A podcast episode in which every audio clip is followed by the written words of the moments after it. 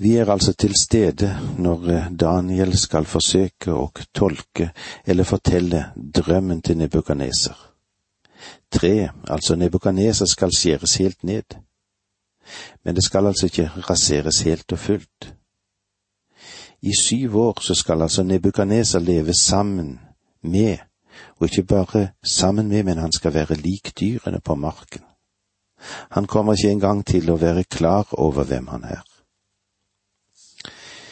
I vers 25 og 26 leser vi. Du skal jages bort fra menneskene holde til blant dyrene på marken. Du skal spise gress like som oksene, og med dugg fra himmelen skal du hvetes. Sju tider skal fare frem over deg, inntil du sanner at den høyeste rår over kongedømmene blant menneskene, og gir det til hvem han vil. Det ble sagt at en rotstubbe av treet skulle bli igjen. Det betyr at ditt kongedømme på ny skal være ditt fra den tid du sanner at himmelen har makten. Daniel gjør det helt klart hva denne drømmen som ble gitt Nebukadneser betyr, og hvorfor han kommer til å få denne opplevelsen. Nebukadneser var fylt av stolthet noe som ble bekreftet gjennom det veldige gullbildet han hadde laget, og som han tvang alle sine mennesker til å falle ned for, og ikke bare falle ned for, men og tilbe. Det som vi leste om i det forrige kapitlet. Hans maktsyke tok overhånd, og nå vil Gud ydmyke ham. Han vil bli drevet ut av sitt palass ut på jordene der han vil holde til blant dyrene, og totalt glemme hvilken mektig person han en gang var. Men Gud vil også en gang fri Nebukadneser fra hans vanvidd. Nebukadneser lå under for manisk depressiv psykose. Det ene øyeblikket var han lykkelig og vennlig. Men hvordan var det så i det neste øyeblikk? Jo, da var han grusom, despotisk og illsint. Nebukaneser hysteri ga seg også uttrykk i amnesi. De som er plaget av slikt, kan miste sin hukommelse for en tid. Nebukadneser hadde den forskrudde forestilling at han var et dyr. En slik tilstand han var preget av, gir også uttrykk for en ekstrem egoisme. Og ikke bare det, og hovmod. Dette ble en besettelse for Nebukaneser. Hele tiden dreide alt seg om Nebukaneser, om meg og mitt. Hovmod er en av de ting Gud avskyr, og det er noe som karakteriserer mennesket, det. Stolthet er en besettende synd for den menneskelige familie. Men eh, hva har så mennesket til å vise og oppleve og virke som om den er stolt? Jeremia 9, 23 og 24 sier dette til oss. Så sier Herren, den vise skal ikke rose seg av sin visdom, den sterke ikke av sin styrke og den rike ikke av sin rikdom. Men den som vil rose seg, skal rose seg av dette, at han har forstand og kjenner meg. Vet at jeg er Herren, som viser miskunn over rett og rettferd på jorden. For det er slik jeg vil ha det, lyder ordet fra Herren.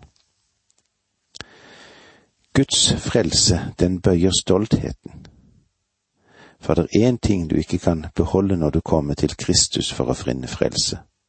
Paulus sa det slik i første Korinterbrev 2.2.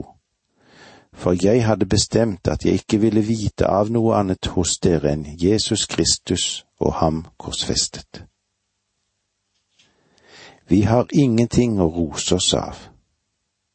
Og apostelen skrev igjen, Hvem gir jeg deg rang fremfor andre? Hva har du som du ikke har fått? Har du fått noe? Hvorfor skryter du, som om du ikke hadde fått det, som det står i første Korinterbrev 4,7? Og la oss ta òg med det som står i 2. Korinterbrev 10,17.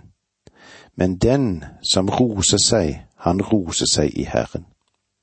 Stolthet, hovmod, står øverst blant de menneskelige uttrykk Gud avskyr. Den Herre Jesus ga oss klare eksempler på dette på, som har med ydmykhet å gjøre. La oss også se i Filippenserbrevet 2, 7, 8. I sin ferd var han som et menneske. Han fornedret seg selv og ble lydig til døden, ja, korsets død. Til sist er det karakteristiske for Nebukadnesas form for hysteri at den går i perioder. I Nebukadnesas tilfelle var det en syklus på sju år. Vers 27 Konge, ta derfor imot mitt råd. Riv deg løs fra dine synder ved å vise rettferd og fra dine gjerning, misgjerninger ved å være barmhjertig mot de nødlidende. Så skal din lykke vare. Nebukaneser er urolig i sitt hjerte. Han har ingen fred. Han har gitt verden omkring seg fred. Det er ingen som kan true hans makt. Men hva er det som foregår i hans liv? Han lever i synd. Daniel forteller Nebukaneser at han må bøye seg og vende seg fra sine synder. Han trenger å vende seg til Gud og leve et liv i rettferdighet. Daniel gir ham det råd å gjøre bot for å stoppe den dom som er underveis. Det er fremdeles håp om utfrielse. Nebukaneser, han kunne ha fått kjenne Guds fred, og eh, ikke bare freden, men også stillheten. Jeg tror at dette var Guds siste advarsel til Nebukaneser. Jeg tror at en stor del av de mentale forstyrrelser vi møter i vårt samfunn, faktisk er et resultat av åndelige problemer. Jeg sier ikke at alle ting er det, eller at alle har det slik, for mentale forstyrrelser kan ha mange andre grunner, for det vet jeg. Men mye uro, indre forknytthet og skakkjørt liv har sin rot i menneskets åndelige tilstand. De kan finne fred om de bare ville komme til Kristus. Nå vil vi se litt på den tragiske utvikling av Nebukanesas mentale situasjon. Versene 28 til 30. Alt dette hendte med kong Nebukaneser. Tolv måneder senere, da kongen en gang gikk omkring på taket av slottet i Babylon, utbrøt han. Sannelig, dette er det store Babylon som jeg med min veldige makt har bygd til kongesete, til ære for min herlighet. Nebukaneser lyttet ikke til Daniels advarsel. Ennå et nådeår fikk han før dommen falt hvor tålmodig egentlig Gud er. Men hans nåde og langmodighet blir ikke forstått av de onde. La oss se Forkynneren 8.11. Om dommen over den onde gjerning ikke straks blir satt i verk, får menneskene mot til å gjøre det onde. Kongen var i ferd med å bryte sammen. Han så over sitt store kongerike, det kongerike Gud allerede hadde sagt at han hadde gitt ham. På tross av det sier nå Nebukaneser, er ikke dette det veldige Babylon som jeg har bygget? Det har vært mangfoldige menn og kvinner gjennom historien som har forsøkt å bygge opp sitt lille imperium. De har skuet på sitt verk med stolthet. Det har òg skjedd i kristelig sammenheng, dette. De som har forsøkt å bygge sine egne imperier. Og forkynnerne burde rope til hverandre og si, prøv ikke å bygge din egen kirke, ditt eget imperium. Det kan ende med fortvilelse. Vårt, mitt og ditt oppdrag er å bygge menneskers liv ikke forsøk å bygge et imperium. ikke skyte med sin egen kanon. Vårt oppdrag er å formidle det glade budskap om Jesus Kristus. Takk for nå, må Gud være med deg. Dette undervisningsprogrammet består av to deler. Åge Nevland fortsetter nå med andre del av dagens undervisning. Vi er i Daniels bok, i det fjerde kapitlet, og vi er til stede når Daniel skal meddele til Nebukaneser hans drøm, dette mektige treet som vokste høyt opp til himmelen, det som dekket hele jordkloden, og hvordan i det hele tatt Nebukaneser skulle oppføre seg videre fremover, og nå er vi til stede ifra kapittel fire, versene 31 til 33. Før kongen ennå hadde talt ut, kom en røst fra himmelen. Til deg, kong Nebukaneser, lyder disse ord. Kongedømmet er tatt fra deg. Du skal jages bort fra menneskene og holde til blant dyrene på marken. Du skal spise gress liksom oksen. Sju tider skal fare fremover deg inntil du sanner at den høyeste rår over kongedømmet blant menneskene og gir det til hvem han vil. I samme stund slo dette til. Nebukaneser ble jagd bort fra menneskene og spiste gress liksom oksene. Hans kropp ble vett med dugg fra himmelen, til håret vokste og ble langt som ørnefjær, og neglene ble som fugleklør. Nebukaneser drives ut av sitt palass for å leve som et dyr. Gud tar seg personlig av denne mannen i det øyeblikk han blir tatt bort fra det normale og rasjonelle, rives hans kongerike fra ham. De vanvittige på denne tid ble drevet bort og ikke plassert i institusjoner for å få behandling slik vi prøver å gjøre det i dag. Under normale omstendigheter ville Nebukadneser aldri vært i stand til å vende tilbake til tronen. Men likevel lovet Gud at han skulle få sitt rike tilbake når han hadde lært sin lekse. Historien bekrefter denne hendelsen i Nebukadnesers liv. Albert Barnes skriver det slik, Josefus henviser til den babylonske historikeren Bersosus, der det bekreftes at Nebukaneser ble slått av en merkelig sykdom før han døde. Den periode drømmen skulle vare er ute, og Nebukanesers sinn blir friskt igjen. I vers 34 leser vi slik i det fjerde kapittelet i Daniels bok. Da tiden var omme, løftet jeg Nebukaneser blikket mot himmelen, og jeg fikk forstanden tilbake. Jeg lovet og priste den høyeste og æret ham som lever evig. Hans velde er et evig velde hans rike varer fra slekt til slekt. Hans forstand vender altså tilbake, han legger disse korte ordene til det vitnesbyrd som han ga ved åpningen av dette kapitlet. Vers 35 Alle som bor på jorden er for ingenting å regne. Han gjør som han vil med himmelens hær og med dem som bor på jorden. Ingen kan hindre ham. Ingen kan si hva er det du gjør. Nå har Nebukadneser lært at det er Gud som styrer. Han har kontrollen med universet. Nebukadneser aksepterer det som hadde kommet over ham, at det var Guds vilje for ham. Og så bøyer han nå sin stolte vilje inn under Guds vilje. Og det er sannelig noe kanskje mange av oss tror nok trengte å gjøre i dagens situasjon. Versene 36 og 37 I samme stund vendte min forstand tilbake, og jeg fikk min herlighet og glans igjen, til ære for mitt kongedømme.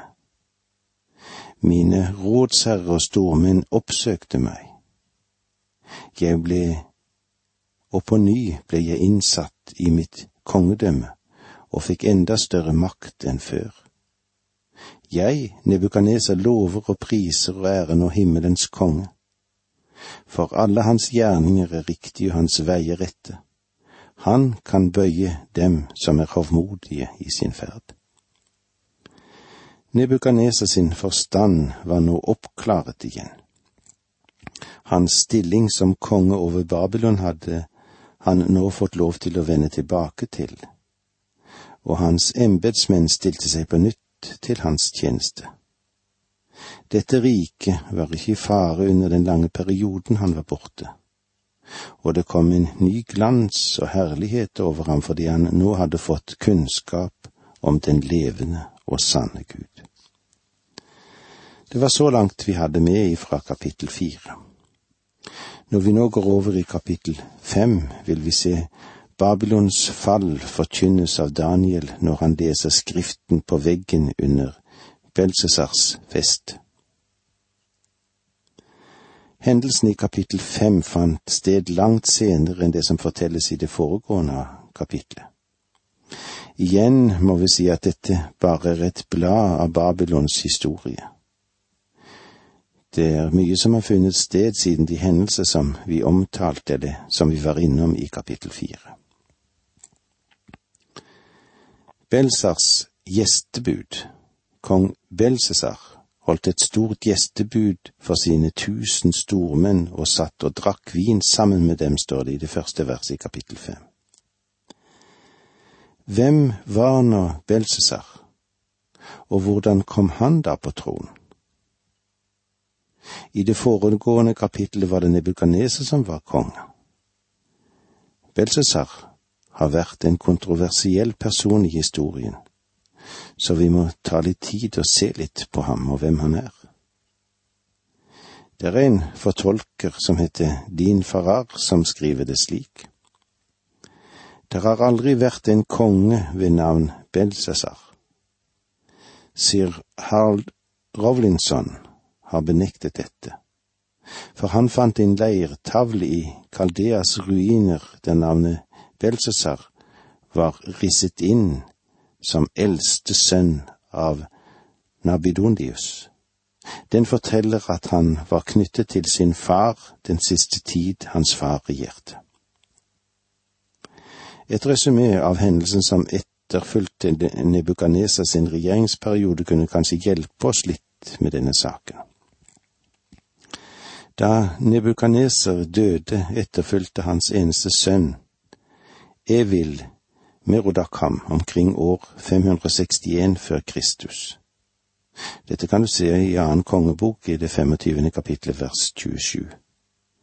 Evil Merodak ble myrdet av Nargal Saredeser, som hadde giftet seg med en av Nebukanesers døtre og nå erstattet ham på tronen omkring år 559 før Kristus. Nergal, Saredeser, ble etterfulgt av sin unge sønn, som bare hersket noen få måneder før han ble myrdet av Nabonidius, ektefelle til en annen av Nebukadnesers døtre. Nabondius, den siste hersker over dette babylonske imperium, brukte mye av sin tid utenfor riket på ekspedisjoner til fremmede områder. Og Belsesar, hans sønn, opptrådte som han, hans medregent i Babylon. Alt dette understreker nøyaktigheten i det profeten Jeremias hadde sagt, og som vi kan lese om i kapittel 27 hos Jeremia i vers 6 og 7 og nå overgir jeg alle disse land til babylonerkongen Nebukaneser, min tjener. Selv de ville dyr i marken gir jeg ham for at de skal tjene ham. Alle folkeslag skal trelle for ham, for hans sønn og sønnesønn. Helt til tiden kommer også for hans eget land, da mange folkeslag og store konger skal gjøre ham til trell. Med andre ord ville det babylonske riket vare gjennom Nebukanesers sønn og sønnesønn, og deretter ville det babylonske herreveldet som hode av gull være slutt. Vi har videre en bekreftelse på at Belsesar har eksistert fra en bønn av Nabonidus til morgenguden for sin sønn, og den er også funnet på en leirtavle. Min sønn som er sprunget fram fra mitt hjerte, hvor han er sitt gudgitte opphav og ikke hengir seg til synd. Herodot, den greske historien nevner også dette, og dermed bekrefter han hva andre har funnet. Under denne perioden som fortelles i kapittel fem, var Nabidonius ute på krigsekspedisjon mens hans sønn Belsesar ble i Babylon. Legg merke til at da Belsesar tilbød Daniel en stilling i riket, så skulle det være den tredje makt i riket. Hvorfor ikke den andre etter Belsesar? Vel, Belsesar var selv nummer to. Det var hans far, Nabonidus, som var den egentlige konge. Under den festen som Belsesar introduserte her i vers én, hadde Gobyras medgeneralen beleiret Babylon.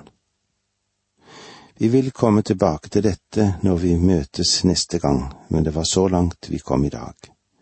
Må så Guds nåde og fred være med deg.